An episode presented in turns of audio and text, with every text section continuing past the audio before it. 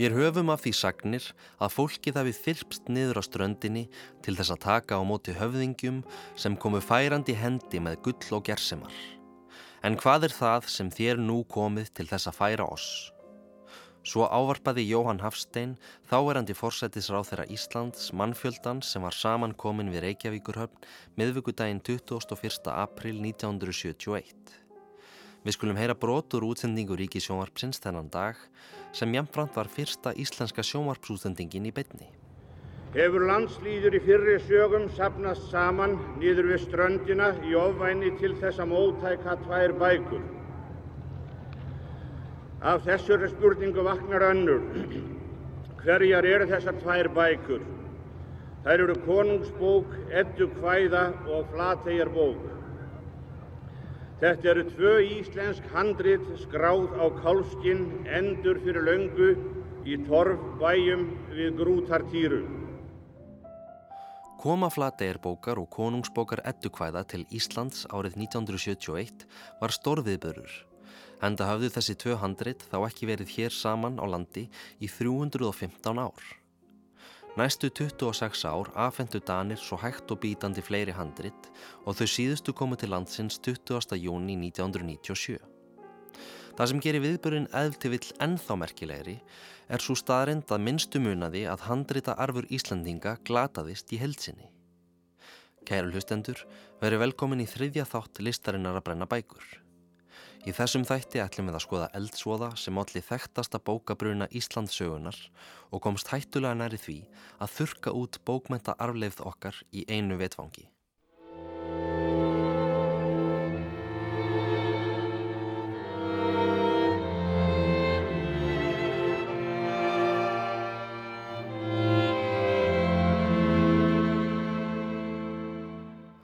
Að kvöldi miðvöggudagsins 20. oktober árið 1728 knúðu nokkrir hafnarstúdendar dýra hjá Árna Magnúsinni á heimili hans við Stóra Kanungastræti í Kaupmannahöfn. Stúdendarnir voru þarna komnir til að vara handriðasafnaran við miklum eldsvoða er brotist hafði út í vestur hluta borgarinnar fyrir um kvöldið og bjóða fram aðstóð sína við að bjarga bókasafni Árna sem innihjælt þúsundir fágætra bóka og íslenskra skinnhandrita frá miðöldum og var sennilega yfirgripsmestast líka engasafn á þeim tíma. Meðal stúdendana var Jón Ólafssonur Grunnavík sem gengt hafði stöðu skrifara árna undanferinn tvö ár. Jón ritaði síðar nokkrar frásagnir um upplifun sína af brunanum og eru þau skrif meðal helstu samtíma heimildana um eldsvoðan og viðbröð árna við honum. Árni afþakkaði aðstóð hafnarstúdendana kurtislega og sendi þá aftur heim til sín. Hann ákvaða að leggja tröst sitt á brunalið kaupmannahafnar sem nýlega hafði ráðist í endurbætur á eldvörnum borgarinnar. Auk þess sem hann ótaðist að bækurnar myndu tvístrast við flutningana í þeirri ringulreið sem ríkti á gödum bæjarins. Handreitasafnarinn hefði þó betur mátt þykja aðstóð stúdendana en þetta hík átti eftir að reynast bæði honum og bókasafni hans dýrkjeft. Upptök brunans mikla í Kaupmannahöfn árið 1728 eru rakin til hornhús við litla Sankti Klemenstræti sem stóð við virkisvegg borgarinnar Andspænis Vesterbort. Húsi var langt og látt bindingshús með fjórum leigu íbúðum þar sem byggu beikir, snikkari, hænsnasali og vínsali. Strætið þar sem húsið stóð er ekki lengur til en á lóðinni stendur nú húsið Absalon Skot við Ráðustorg. Slóðir sem ættu að vera flestum Íslendingum er ferðast hafa til kaupmannahafnar kunnar. Sögum um hvernig eldurinn kviknaði ber ekki öllum saman en samkvæmt þeirri sem helst er talin trúverðug átti það sér stað þegar sjö ára drengur var að leita að leikfangi uppi á háalofti heimilisins. Drengurinn hafði kerti meðferðist til að lýsa sér leiðina en misti það niður í rifu þar sem heil á og kviknaði eldur í því samstundis. Drengurinn vissi ekki sitt rjúkandi ráð Hann fór fram í stegan þar sem hann greti í þögn og kallaði ekki á hjálp fyrir en logana tók að leggja í andlit hans. Fullorna fólki þusti upp og reyndi að slökkva eldin en fljótlega var húsið orðið alelda og logarnir farnir að breyðast yfir í nærlegjandi hús. Eldurinn dreyðist hratt þetta fyrsta kvöld og greinir Jón Ólafsson frá helstu ástæðum þess í reyti sínu Relatio af Kaupenhamnar brunanum sem skeði í oktober 1728. Veðurskilirði voru með verstamóti. Stormur geysaði og kvass vindur úr suðvestri yfði upp eldin. Millir klukkan 8 og 9 ringdi ákaft en Jón segir eldin ekki hafa munað neitt um það. Brunaliðið dró fljótað litla Sankti Klemenstræti en sögum þess hversu þraung hún og nærlegjandi götur voru reyndist þeim erfitt að koma sér fyrir og snúa vögnum sínum. Þar að auki voru vassbrautur þeirra lélegar og vasskortur var í borginni svo brunaliðið neittist til að taka vatn úr opnu göturæsinu sem allir því að saur komst í slöngurnar og margar þeirra sprungu. Vaskorturinn var komin til vegna þess að skömmu áður hafði vatn verið tekið frá þeim sjö hverfum borgarinnar sem næst voru eldsuptökunum. En samkvæmt Jóni Grunnvíkingi var það gert til að fylla upp síki sem grafið hafði verið fyrir utan nörripost um sömarið til að styrkja varnir borgarinnar. Auk þessara ytri hamla var allt slökkvistarf borgarinnar mjög ítla skipulagt og brunaliði sjálft bæði vanhæft og vanbúið. Sama dag hafði farið fram slökkveæfing og um kvöldið voru flestir brunaleismennir komnir á öldurhús og orðnir vel hýfaðir eins og venjan var eftir slíka ræfingar.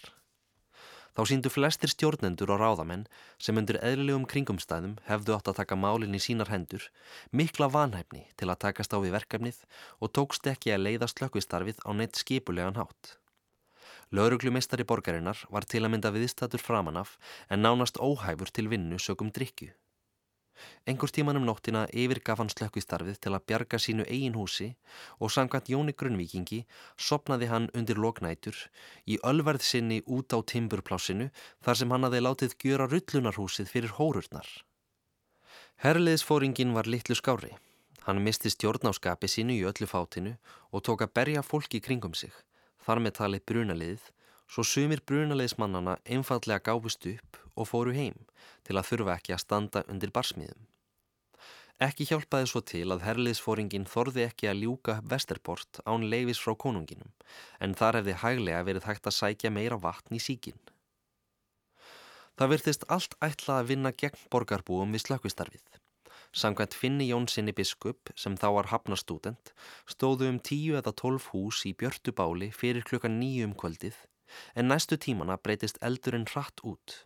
Fyrst með fram virkisvegnum norðanmegin en nokkrum tímum síðar breytist vindáttinn og tók þá eldurinn að færast inn yfir borgina játt til vorar frúar kirkju, domkirkju Kaupmannahafnar.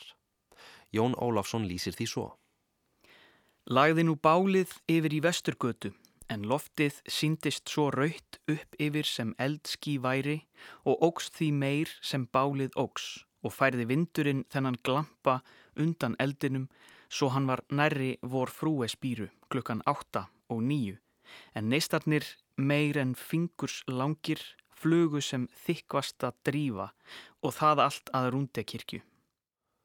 Rétt fyrir miðnætti kviknaði svo annað bál vestan við Nörregæði í húsi bruggara þegar einn bruggarasveitnin hljóp út til að taka þátt í slökkvistarfinu en glemdi logandi kerti á byta Í húsunum í kring byggu aðrir bruggarar og læsti eldurinn sig einnig fljótt í þau sögum mikil smagns heis, hálms og korns er þar var geimt. Brunaliðinu var því skipti í tvent og kom annar helmingurinn sér fyrir við nöðrigæði og reyndi að hefta för eldsins yfir hana allt til morguns. Um fymtudagsmorgunin vaknaði Árni Magnússon uppið vondarfréttir. Eldurinn var farin að nálgast frúarkirkju og á tíunda tímanum læstist hann í törnspýruna. Brunaliðsmenn höfðu óavitandi flýtt fyrir því að í kirkjunni kviknaði þegar þeir sprengtu upp vínkjallara við hlið hennar í tilraun til að hefta för eldsins, en hafði það þver öfug áhrif. Jón Grunnvikingur lýsir því í reyti sínu hvernig reik hafi skotið út um vindaugun þar sem klukkurnar voru og dreyið inn aftur þrísvar sinnum eins og maður að draga andan. Gneistar spruttu úr törnspýrunni, skömmu síðast tók að blossa úr henni og á lokum hrundi hún niður á nörregæði. Það undarlegasta var að klukkurinnar bráðnuðu í netti sem urðu eins og syndur blandað við sand.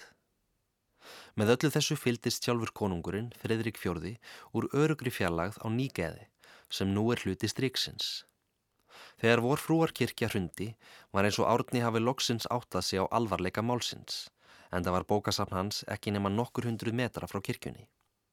Hafnarstúdendarnir snýru aftur og handritasafnarinn hófst nú handa við að bjarga bókasafninu með aðstóð landa sinna Jóns Ólafssonar og Finns Jónssonar. Björgunastarfið tafðist þó enn frekar. Í fyrsta lagi vegna þess að koma þurfti eigin konu árna, Mette Fischer, og annari konu sem var í heimsókn hjá þeim í örugt skjól.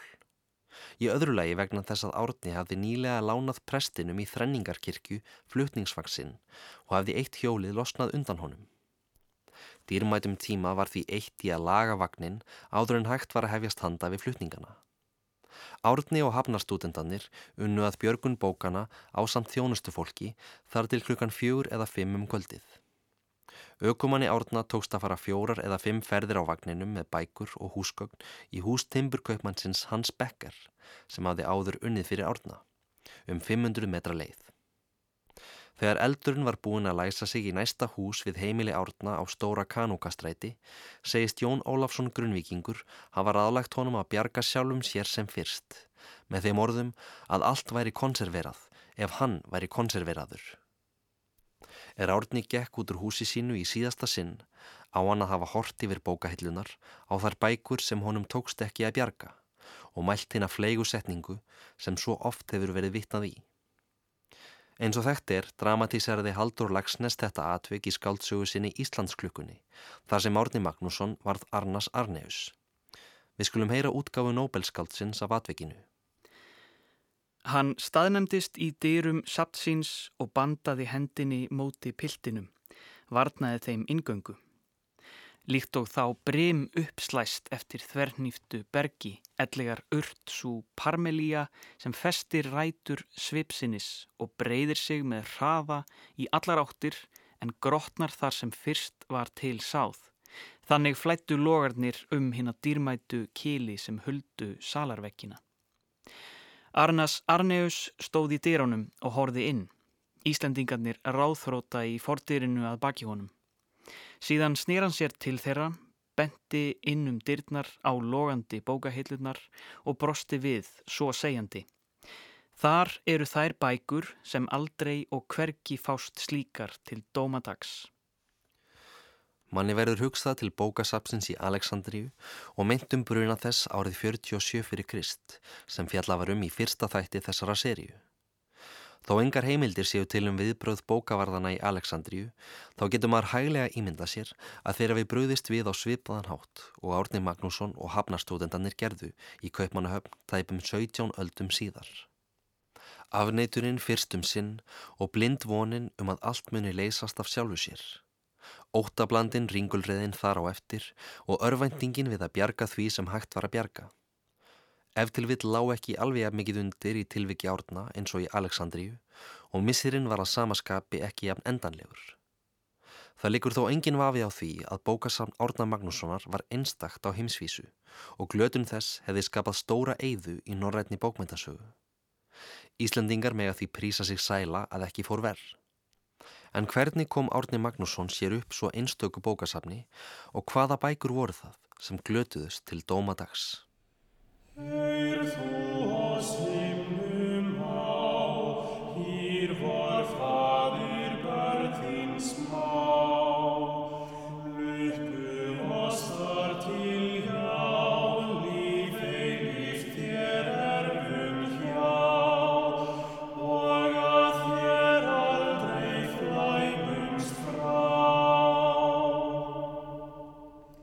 Árni Magnússon fættist hann 13. november árið 1663.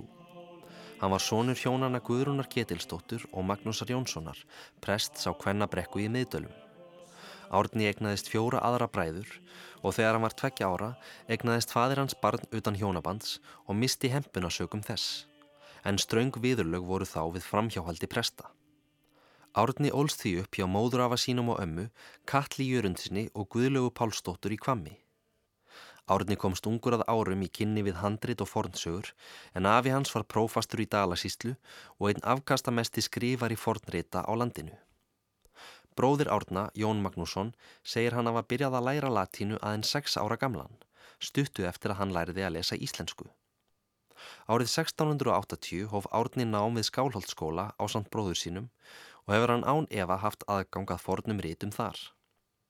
Þremur árum síðar hjælt hann svo til Kaupmannahafnar hvar hann innritaðist til Guðfræðináms við Hafnarháskóla í september 1683. Hann var þá tæplega tvítur og var innritaður undir nafninu Arnas Magneus. Árni var tvö ár í Hafnarháskóla og að námi loknum fekk hann starf sem skrifari og aðstóðarmadur konunglega fornfræðingsins Tómasar Bartólins sem var aðeins fjórum árum eldri en hann. Það starf átti svo sannarlega eftir að kinda undir áhuga árna á fornritum. Helsta verkefni hans hjá Bartólín var að aðstóða hann við þýðingu á íslenskum miðaldaritum yfir á latínu og nútímamál til fyrirhugaðarar útgáfu en Bartolín kunni mjög takmarkaða íslensku og kom árni því að góðum nótum. Bartolín reyndi einni að nýta sér þjónustu árna við að útvega sér fleiri handrit og árið 1685 var hann sendur í leiðangur til Íslands í þeim tilgangi að leita upp í forn handrit í heimalandinu. Ekki kom mikið upp úr þeirri ferð og var Bartolín heldur svektur með afraksturinn En eins og Már Jónsson bendir á í æfisögu sinni um Árna Magnússon þá er varðla hægt að búast við því að Árni hefði sambönd til að útvega sér fágætt fornhandrit nýja fjárháslegt bólmagn til að ferðast um landið í slíkri leit aðeins 22 ára að aldri. Í Íslandsferðinni egnaðist hann þó sín fyrstu handrit, þrjár lögbækur frá miðri 14. öld, Ljárskóabók, Staðarfellsbók og Belgstalsbók sem hann komst yfir á bæjum í nákrenni við Kvamm. Árni var, sem áður sagði, en ekki nógu velstæður fjárhagslega til að hefja sjálfur handritasöfnun að neinu ráði. En hann bætti upp fyrir það með því að gera uppskriftir af þeim handritum sem hann komst í kynni við. Honu var mjög mikilvægt að koma sér upp góðu bókasafni fornrita og þar eða útgáfa slíkra rita á bók var mjög stópul, var eina leðin til að eignast þau, en maður gæti ekki fjárfest í handriti, svo að afrita þau. Árni var svo vandvirkur í uppskriftum sínum að hann fór nákvæmlega eftir öllum styttingum og böndum upprunalegu skrifaranna. En bönd eru tákn fyrir tiltekna stafi eða samstöfur og hefur þessi aðferð verið kölluð að skrifa bandrétt. Nákvæmni árna og laungun hans til að koma sér upp sem bestu bókasafni var allt hluti af fræðilegu metnaði hans og ljóstir að hann kom sér snemma upp þeim vandvirku vinnubröðum og ástriðu fyrir fornum rítum sem áttu eftir að einkjana starf hans fram eftir öllu. Í brefi til vinar síns og skólabróður Björns Þorleifssonar frá vorunu 1694 skrifar árni þá þrítugur að aldri. Hef ég og mínum bróður til forna sagt hver superstis jóse ég pergamentsbækur þrái. Jafnvel þótt það ei væri nema eitt hálft blað eða ringasta rifrildi þegar það ykkun væri á pergamenti og jafnvel þó ég hundrað exemplarja af því hefði, hvar fyrir ég oftlega hef rúið hver og involkúra af þeim tekið, þá nokkuð sottan hefur áverið. Á árunum í kringum 1690 var Árni búin að koma sér upp ýmsum tengiliðum á Íslandi sem fyldust grant með handritum fyrir hann og útvegðu honum þau eftir gátu. Hann spurði pennavinni sína sem og Íslandinga sem komu til Kaupmannahafnar ítrekkaðum fregnir af handritum og hafði ávalt öll net úti ef tækifæri skildu bjóðast. Tómas Bartólín lest í november 1690 úr lungnatæringu og fekk árnið það verkefni að sjá um uppbóð á bókasafni lærimestara síns sem hafi talið um 2400 bækur og verið eitt besta bókasafn fræðimanns í Danmörku á þeim tíma. Úr dánarbúi Bartólíns eignaðist árni nokkur merkileg handrit sem voru ekki selda á bókauppbúðinu. Þar á meðal sögur Ólafs Tryggvasonar og Ólafs Haraldssonar, Möðruvallabók og Stjórn frá byrjun 14. aldar. Vorið 1694 fór árni í náms- og rannsóknarferð til Þískalands á vegum Hafnarháskóla.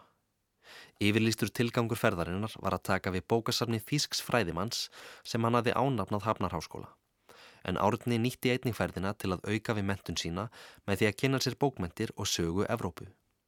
Hann innrýtaðist í háskólan í Leipzig en ekki er vita til þess að hann hafi stunda þar neitt formlegt nám og nýtti hann tíman aðalega fyrir sín eigin fræðastörf á bókasörnum borgarinnar.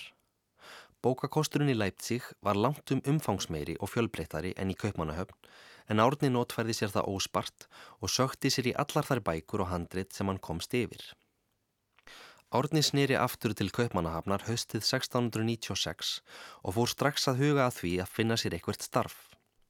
Hann hafði engan áhuga á því að snúa aftur til Íslands en það hafði hann skammu fyrir Þýskalandsreisuna fengið vonarbrif frá konungi um prófessorstöðu við Hafnarháskóla og aðeins tímaspursmál hvenar hann fengið þá stöðu.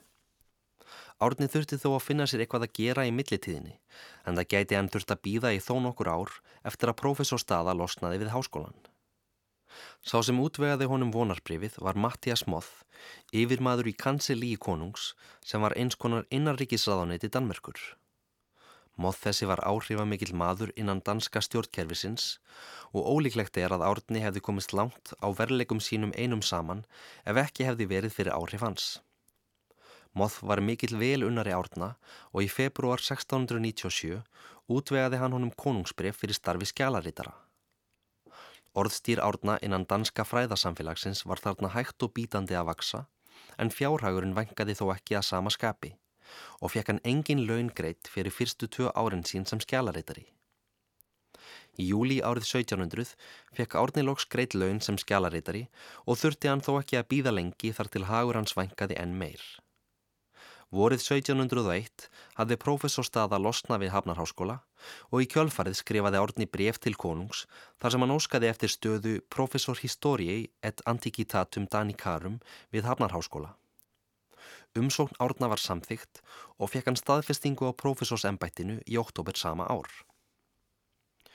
Við upphaf átjándu aldarinnar var Árni Magnússon búin að koma sér upp einu umfangsmesta handreitasafni sem þekktist meðal einstaklinga í Danmörku, Svíþjóð, Þískalandi, Englandi og Hollandi. Hann vildi komast yfir allar íslenskar sögur og stóð í stöðugum breyfaskriftu með umbósmenn sína á Íslandi sem sátu um handreit fyrir hann. Það sem gerir afreg árna einna markverðast er svo staðrind að þrátt fyrir lítil efni tókst honum að koma sér upp persónulegu handritasafni á við það sem aðeins þekktist hjá fyrstum og auðkýfingum og það án aðstóðar konungsbrefa eins og lærimestari hans Tómas Bartólin hafi notið góð saf. Í staðin reytti árnið sig á yfirgripsmikla þekkingu sína á íslenskum fornritum og þau tengsl sem hann hafi komið sér upp við áhrifamikla menn er greitu götu hans, svo sem áður nefndan Mattias Moth Björn Þorleifsson hólabiskup og Þormóð Torfarsson konunglegan sagnaritara í Noregi. Vorið 1702 var árna svo útluta verkefni sem átti eftir að taka upp mestallan tíma hans næstu 12 árin og leiða til enn frekari stekkunar handritasaps hans. Síðustu ár 17. aldarinnar hafðu verið sérstaklega köld um alla Evrópu og heima á Íslandi ollið þetta kuldaskeið gífurlegum harðindum og hungursneið Svo við upphaf nýrar aldar var ástandið í landinu orðið óbærilegt. Már Jónsson lýsir því svo í æfisugu sinni um Árna Magnússon Þrýr fjórðungar landsins voru umkringtir hafís sem láfið landið framundir miðjan júni, svo kaupför náðu vart til hafna. Þar sem hafísin var gáttu menn ekki veitt, en annar staðar voru veiðar með minna móti eða svo litlar að fjöldi fólks dó úr hungri. Bændur voru háðir góðvild kaupmanna um úttakt á vöru en gáttu ekkert borgað. Á alþingi sumarið 1700 komu helstu ráðamenn landsins saman á þingvöllum til að sverja hennum nýja danakonungi Fridriki Fjörða hotlustu eið. Mennirnir nýttu tækifærið og sömdu bænaskrá til konungs þar sem þeir lístu neyðar ástandinu í landinu og óta sínum við það að byggð á Íslandi geti hreinlega þurkast út á næstu árum ef Guð og konungur kemur ekki til hjálpar sem allra fyrst. Konungur sá auðmur á íslensku þegnum sínum og vorið 1701 samþykti hann að láta senda lögmann frá Íslandi sem myndi skýra frá alvarleika ástandsins. Danski lögmaðurinn Lárus Gottrúp var sendur út til Kaupmannahafnar og gekk hann á fund konungs haustið 1701 hvar hann afhendi konungi bænaskrána og skýrði honum munlega frá ástandinu á Íslandi. Í kjölfarið var ákveðið að gera út sérstakka sendinemt sem myndi ferðast um Ísland og gera ítarlega úttekt á hag þjóðarinnar. Þeir sem valdir voru til þessa starfs voru Árni Magnússon og Páll Vítalín, lögmaður og fyrrum skólabróðir Árna úr Harnarháskóla.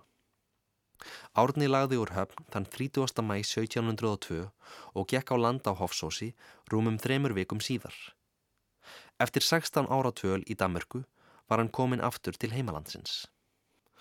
Verkefnin sem mættu Árna og Páli á Íslandi voru ótal mörg og umfangsmikil en samkvæmt Má Jónssoni voru erindi þeirra tvíþætt.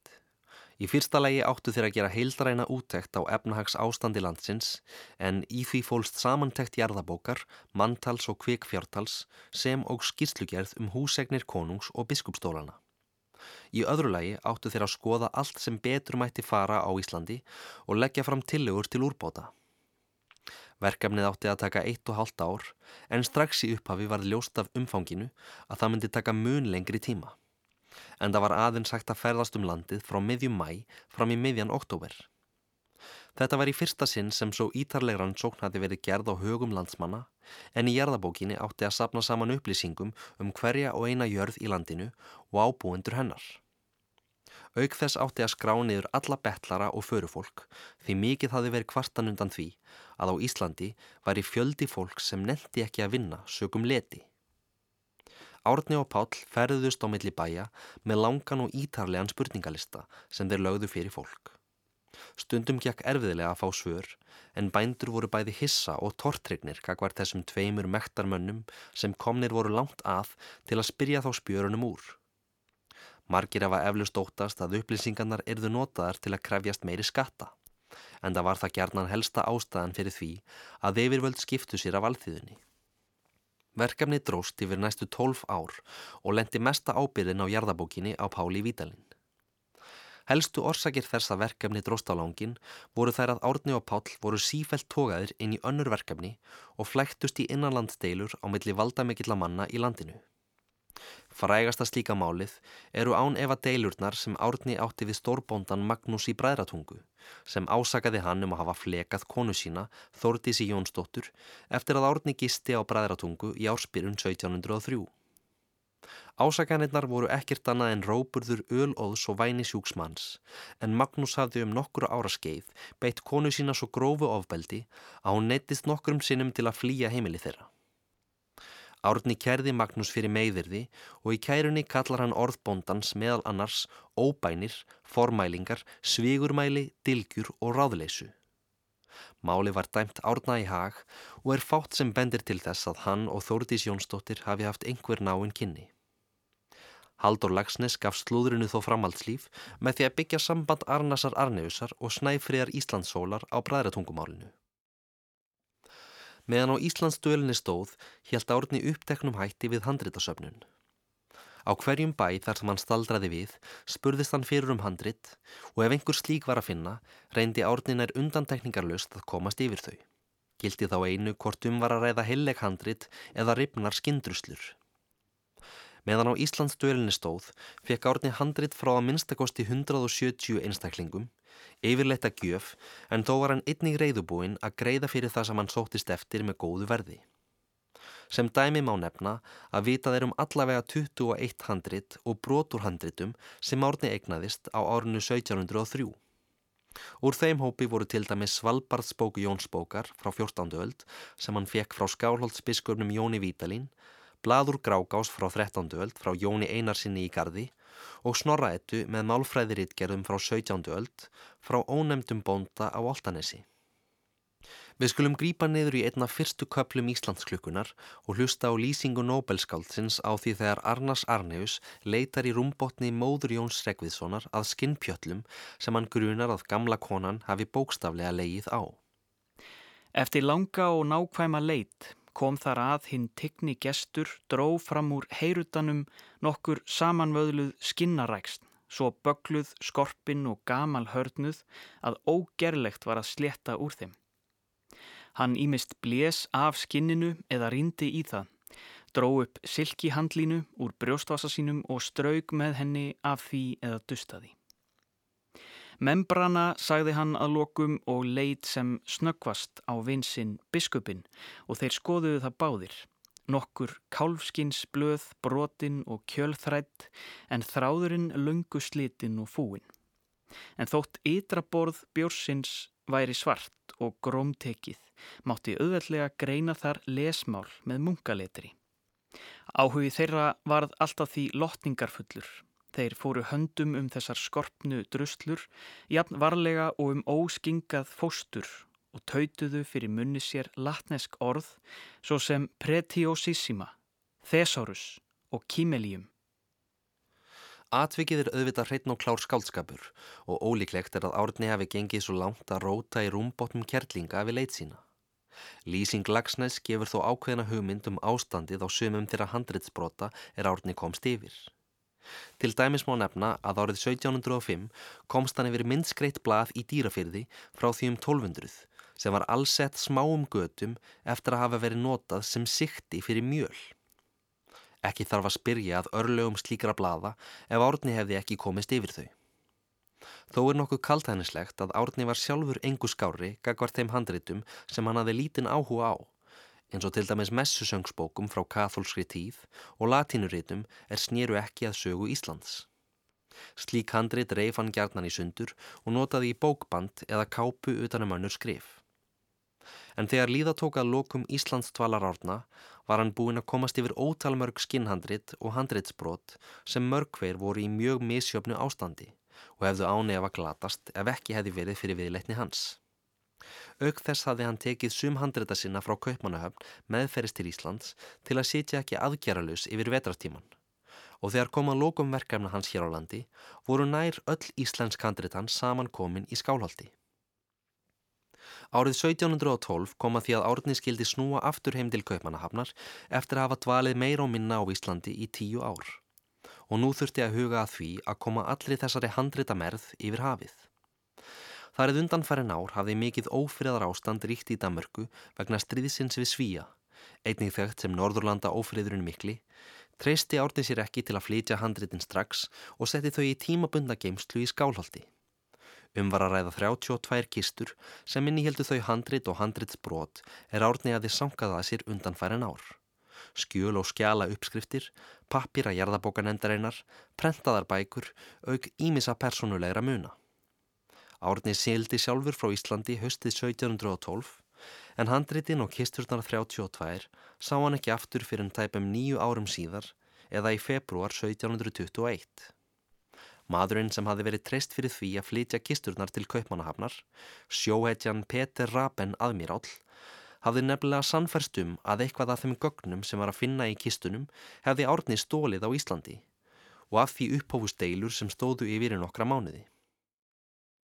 Árni eitti langmestum tíma sínum næstu árin í flokkun handritana sem þá voru orðin ríflega 2000 talsins. Hann átti þar að auki á annan 2000 fornra skjala og skjala uppskrifta auk ómaldsfjölda prentaðara bóka.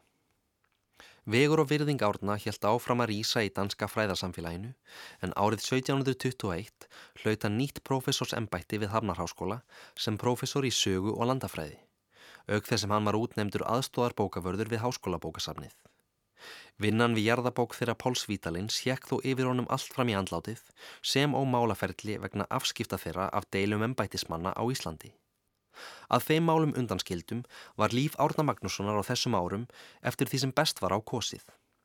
Hann var búinn að koma sér upp stærsta og yfirgripsmesta engasafni íslenskra handrita í heiminum og koma sér vel fyrir í sínu fagmannlega og persónulega lífi.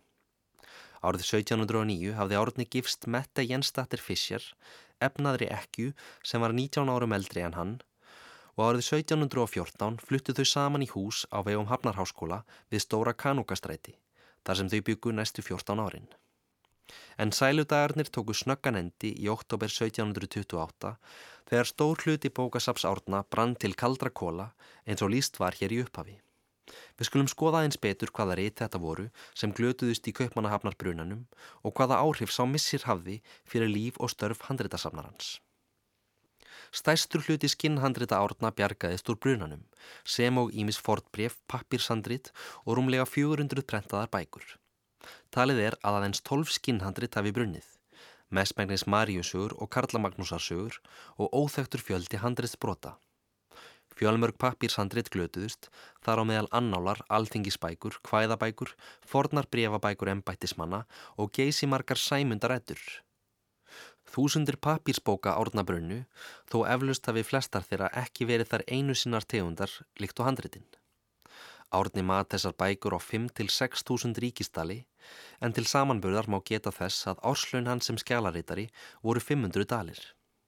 Auk þess brann mikið af persónulegum fræðigágnum árna svo sem jarðabók þeirra Páls Vítalins um Östurland, auk minnisgreina og æfi ágripa hans um lærða menn. Mesti missirinn á íslenskum handreitum var þó í háskólabókasafni Hafnarháskóla, en safnið gjur eiðilaðist í brunanum. Einu handreitin sem björguðust úr því voru þau sem hafðu verið í útláni hjá profesorum, eins og til dæmis Guðmundarsaga góða sem hafðu verið í láni hjá Árna.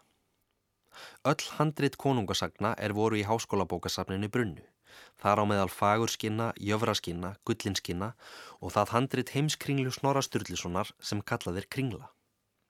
Eitt bladur kringlu varðveittist í konunglega bókasafnunu í Stokkólmi, þar sem það var uppgötað af profesornum Finni Jónssoni árið 1894.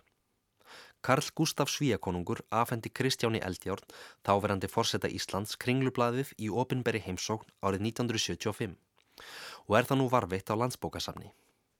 Önnur handrit sem brunnu með háskólabókasafni Hafnarháskóla voru til dæmis handritin að Ólaf Sögu Tryggvasonar, Konung Skuggsjá og Vasshyrnu sem lagaprofessorinn Peter Resen hafði ánafnað safninu.